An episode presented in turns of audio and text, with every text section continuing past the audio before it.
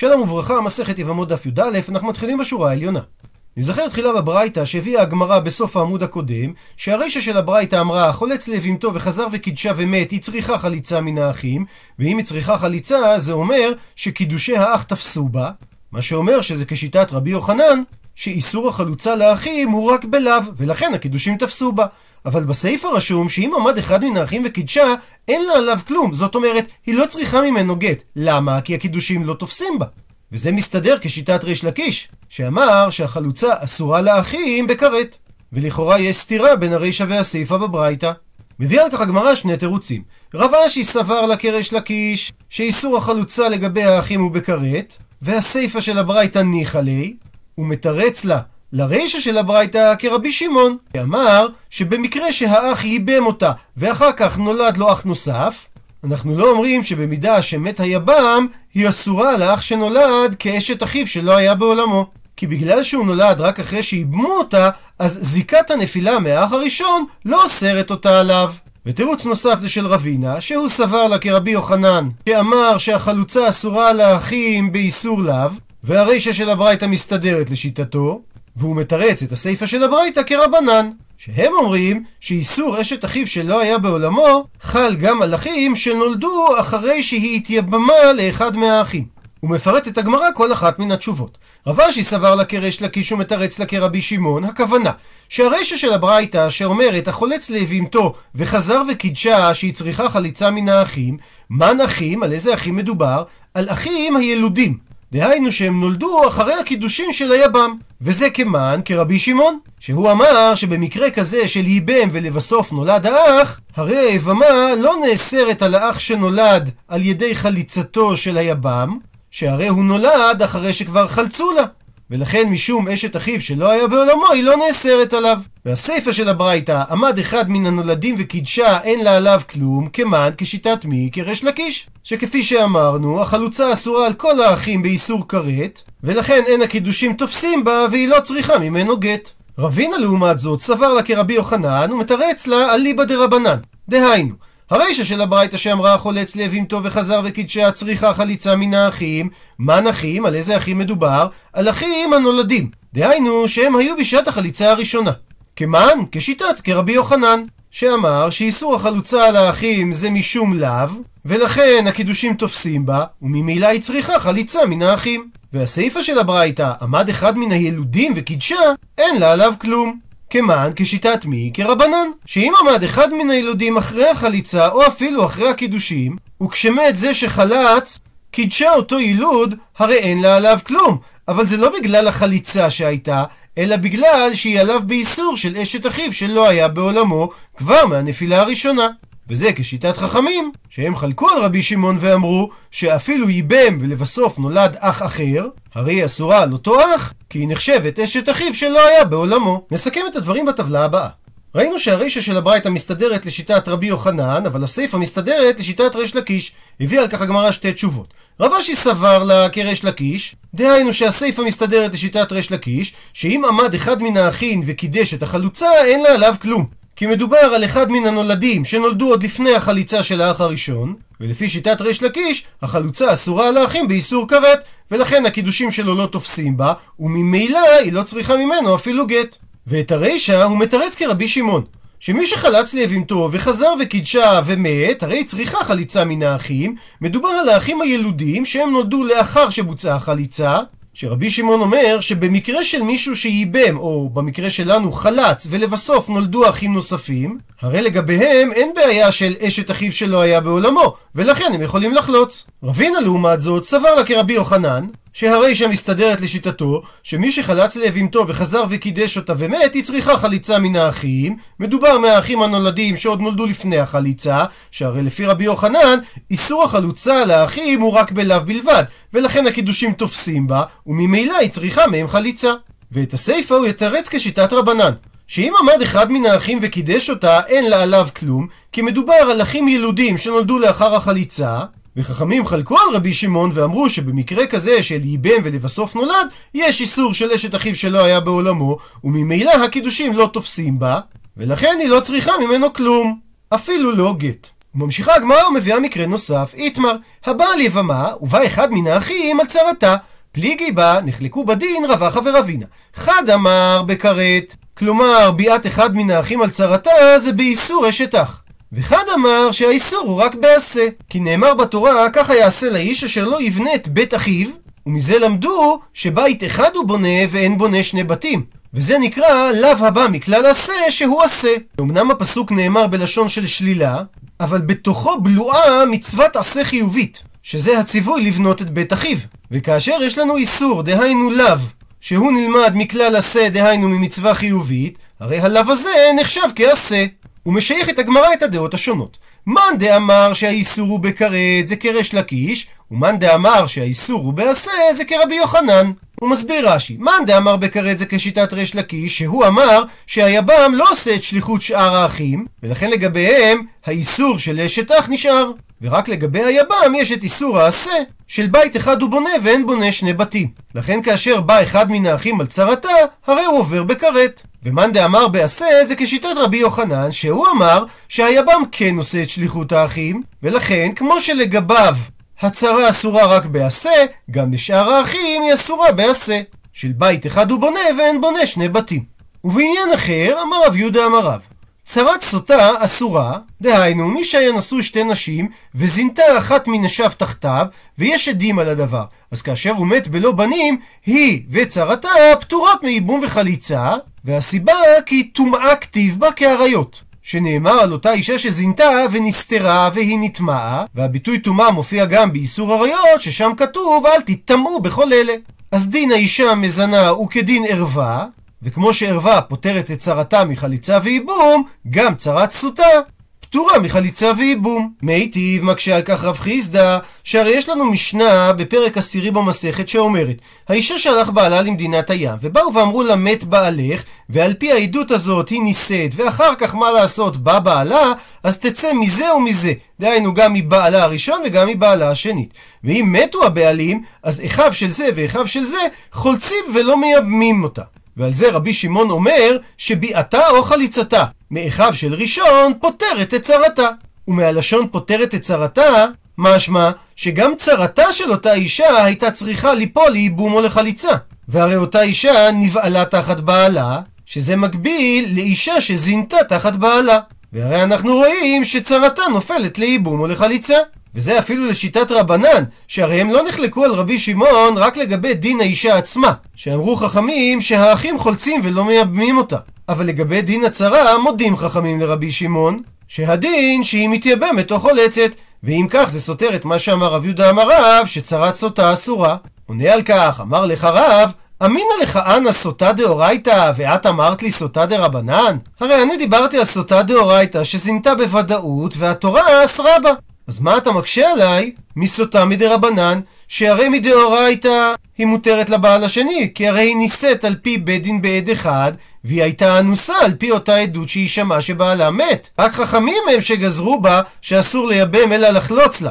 והסיבה, כי הם רצו שהיא תדייק היטב בעדות הזאת שמת בעלה, על ידי כך שהם שמים תג מחיר מאוד גבוה, שאם יתברר שבעלה עדיין חי, הרי היא לא תוכל להינשא. וממילא לא קשה על דברי רב, כי בסוטה דרבנן כל האיסור הוא מדרבנן, ולכן ייתכן שחכמים לא החמירו על צרתה. ושואלת הגמרא, ודקרי לה, מה עיקרי לה? רב חיסטה שהקשה את הקושייה על רב, מה הוא חשב כשהוא הקשה את הקושייה? הרי רב ודאי דיבר בסוטה דאורייתא, וכתוב בה את המילה טומאה. וכפי שאמרנו זה אומר שזה כמו אריות, דכתיב אל תטמאו בכל אלה. מתרצת הגמרא שכסב הרב חיסדא כל דתקון רבנן כאין דאורייתא תקון. דהיינו, תקנות חכמים הם כאין דאורייתא, וכמו שסוטה דאורייתא היא וצרתה אסורות, אז באותו אופן יאסרו חכמים צרה להתייבם, בסוטה מדרבנן, ויצריכו אותה חליצה. ומביאה הגמרא קושייה נוספת, מיטיב מקשה רב רש"י, שכך אומרת המשנה במסכת סוטה. נכנסה עמו לסתר ושהתה עמו כדי טומאה, היא אסורה לביתה ואסורה לאכול בתרומה. שאם אדם קינא לאשתו ואמר לה אל תסתרי עם איש פלוני, והיא הלכה ונסתרה עמו כדי זמן שהם יכולים לבוא לידי מעשה אסור, דהיינו טומאה, הרי אסורה לביתה, דהיינו לבעלה, שמא זינתה, שיש רגליים לדבר, כי הרי הוא קינא לה והיא נסתרה עם אותו אדם. ואם היא כהנת, היא אסורה גם מלאכול בתרומה. כמו שלומדת הגמרא במסכת סוטה, ששלוש פעמים כתוב נטמעה, נטמעה ונטמעה, זה מלמד שהיא אסורה לבעל, אסורה לבועל ואסורה לאכול מתרומה. וממשיכה המשנה, ואם מת חולצת, הפכנו דף ולא מתייבמת. וזה קשיא לרב, שהרי הוא אמר שמי שזינתה תחת בעלה, אסורה מלהתייבם. יענה לך, אמר לך רב, אמינא לך אנא סוטה ודאי, ואמרת לי את סוטה ספק? הרי אני דיברתי על אישה שזינתה בוודאות. אז אל תקשה עליי מאישה שיש לנו רק ספק אם היא זינתה. ומקשה הגמרא על התשובה הזאת, ומה ישנה סוטה ודאי, שאתה אומר שהיא אסורה מלהתייבם משום דכתיב בטומאה? הרי גם בסוטה ספק נמי טומאה כתיבה בה.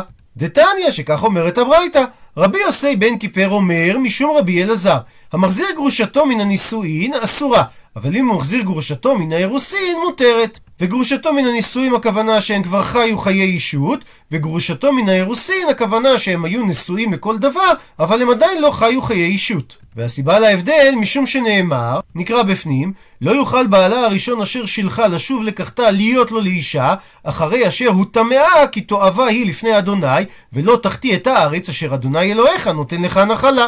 וחכמים לעומת זאת חולקים עליו ואומרים, אחת זו, דהיינו, הגרושה מן הנישואין, ואחת זו, הגרושה מן האירוסין, אסורה. הוא מסביר רש"י שמזה שהפסוק אמר והייתה לאיש אחר, והמילה והייתה זה קידושין, וזה לא משנה אם כבר היה נישואין, דהיינו מימוש חיי האישות, הרי כתוב בפסוק לא יוכל בעלה הראשון אשר שילחה וגומר.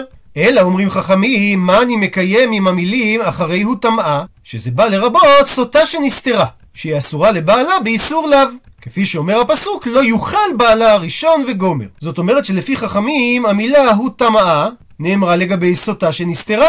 ואם כך, הדין שלה צריך להיות כמו סוטה ודאי, שגם בה כתובה המילה טומאה, וממילא קשה על תשובתו של רב, שאמר שיש הבדל בין סוטה ודאי לסוטה מספק. מתרצת הגמרא, מה המשמעות של סוטה שנסתרה?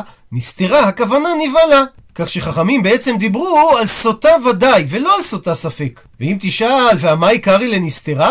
זה רק בגלל שלישנא מעליה נקט. דהיינו שזה לשון נקייה. אבל בעצם דברי חכמים מדברים על סוטה ודאי, וזה תואם לתשובתו של רב. ומקשה על התירוץ הזה הגמרא, אתה רוצה לומר שנסתרה זה במשמעות של נבעלה? אבל נבעלה טומאה בהדיא כתיב בה. כתוב במפורש את עניין הטומאה, שהרי כתוב, נקרא בפנים, ושכב איש אותה שכבת זרע, ונעלם מעיני אישה, ונסתרה, והיא נטמעה, ועדן בה, והיא לא נתפסה. ושם ודאי המשמעות של נסתרה זה שכב איש אותה. דהיינו, סוטה בוודאי, וכתוב והיא נטמעה. אז בשביל מה צריך להגיד שוב על אישה שהיא סוטה ודאי אחרי הוטמעה? אלא בהכרח שמה שאמרו חכמים סוטה שנסתרה, זה סוטה ספק ולא סוטה ודאי. מתרצת הגמרא שאכן מדובר על סוטה ודאי, והסיבה שחכמים שוב דרשו עליה את המילים אחרי הוטמע, למי קמלה בלאו, שמהפסוק בספר במדבר, ושכב איש אותה, ובהמשך ונסתרה והיא נטמעה, לומדים שהיא אסורה לבעלה, ומהפסוק השני, יש על זה גם איסור לאו, לא יוכל בעלה הראשון. ובהמשך לשוב לקחתה, בגלל אחרי אשר הוטמע. שואלת הגמרא, ורבי יוסי בן כיפר, שלמד מהמילים אחרי אשר הוטמע את ההבדל בין מחזיר גרושתו מן הנישואין שהיא אסורה, לבין מחזיר גרושתו מן האירוסין שהיא מותרת, הרי לשיטתו, איסור לאו בסוטה מספק לית לי, אין לו, ואפילו כאשר מדובר על זנה אין נמי. דהיינו, אפילו אם פשוט לנו שהיא זינתה, דהיינו שהיא סוטה ודאי, גם אז לשיטתו אין בזה איסור לאו. ושואלת הגמרא, מה היא טעמה? מה הטעם בדבריו? למה הוא לא מפרש כשיטת חכמים? עונה הגמרא, כי הוויה ואישות כתיב בה. מסביר רש"י שבאותה אישה שנאסרה לבעלה, יש בה הוויה שכתוב והייתה לאיש אחר, ויש בה גם אישות דכתיב או כי ימות האיש האחרון אשר לקחה לו לאישה. ועל זה נאמר, לא יוכל בעלה הראשון, מי שנישאת לאחר על ידי קידושין ואישות, לשוב לקחתה.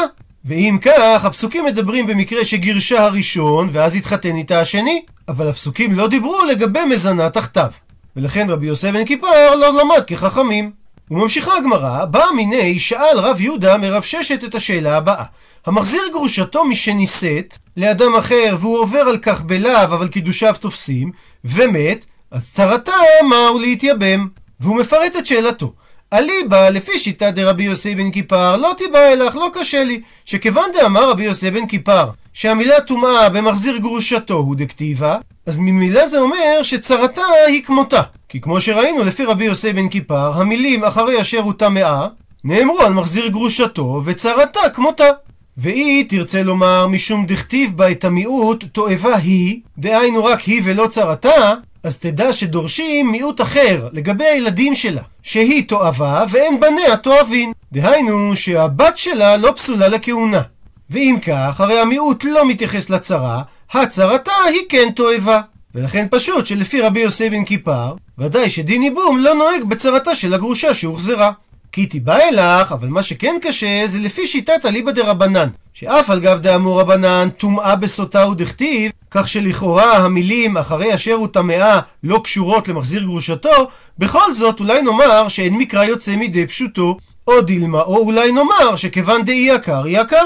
שאם חכמים למדו מהמילים אחרי אשר הוא טמאה לעניין סוטה, אז ממילא זה לא נאמר לעניין מחזיר גרושתו, ואם כן, לגבי מחזיר גרושתו לא נאמרה המילה תועבה, וגם היא וגם צרתה מותרות בייבום. איכא דאמרי, יש אומרים גרסה נוספת לשאלתו של רב יהודה. שאליבא דרבנן, לפי שיטת חכמים, לא תיבא אלך, לא קשה לי, שכיוון דהתעקר, היא עקר. שכיוון שהם למדו מהמילים אחרי אשר הוא טמאה לעניין סוטה, ודאי שהמילה טומאה לא נאמרה על מחזיר גרושתו. וממילא היא וצרתה יכולות להתייבם. אלא כי תיבא אלך, לפי מה קשה לנו, אליבא דרבי יוסי בן כיפר. שמה יהיה הדין? שאף על גב דאמר רבי יוסי בן כיפר טומאה במחזיר גרושתו ודכתיבה, הרי יש לנו מיעוט שהתורה אמרה שהיא תועבה ואין צרתה תועבה. או דילמה, או אולי נסביר שהיא תועבה ואין בניה תועבין. ואם כך, הצרתה היא בדיוק כמו מחזיר גרושתו שהיא תועבה. ונסכם את שתי הגרסאות של השאלה בטבלה הבאה. לפי הגרסה הראשונה, רבי יוסי בן כיפר אומר שגם הגרושה שהוחזרה וגם צרתה פטורות מייבום וחליצה, והספק הוא לפי חכמים, שאומנם הגרושה שהוחזרה חולצת ולא מתייבמת, אבל השאלה האם צרתה מותרת להתייבם. לפי האיכא דאמרי השני, בדיוק להפך. לפי שיטת חכמים, הדין פשוט. גרושה שהוחזרה חולצת ולא מתייבמת, ולעומת זאת צרתה מותרת להתייבם. הספק הוא לשיטתו של רבי יוסי בן כיפר, שהגרושה שהוחזרה אסורה להתייבם. השאלה, האם צרת הגרושה מותרת או אסורה להתייבם? אמר לי, עונה רב ששת לרב יהודה, תניתוה. הרי יש משנה בדף מ"ג שאומרת, הייתה אחת כשרה ואחת פסולה, אם היה חולץ, חולץ לפסולה, ואם היה מייבם, מייבם לכשרה. ומהי הכוונה כשרה ומהי הכוונה פסולה? שאילי אם תאמר שכשרה הכוונה כשרה לעלמא ופסולה הכוונה פסולה לעלמא דהיינו שכשרה לעלמא שהיא מיוחסת וכשרה לכהונה ופסולה לעלמא כגון שהייתה גרושה או חלוצה מבעל אחר ולכן היא פסולה לכהונה אז הרי כיוון דלדידי חזיה, מהי נפקא לימינה? וכיוון שהיבם הוא ישראל ולא כהן, אז מה זה משנה לאיזה מהם הוא יחלוץ ולאיזה מהם הוא ייבם? ולמה אמרה המשנה שהוא חולץ לפסולה ומייבם לכשרה?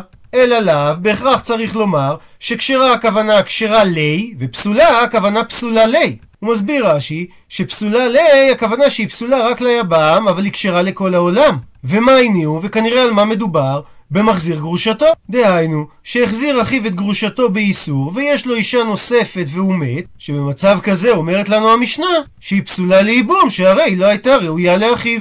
וקטני, ועל זה אמרה המשנה, ואם היה מייבם, מייבם לכשרה. דהיינו שצרתה כשרה, אפילו שבמחזיר גרושתו כתיב את המילה טומאה, וזה כנראה בגלל המיעוט של היא תועבה, ואין צרתה תועבה.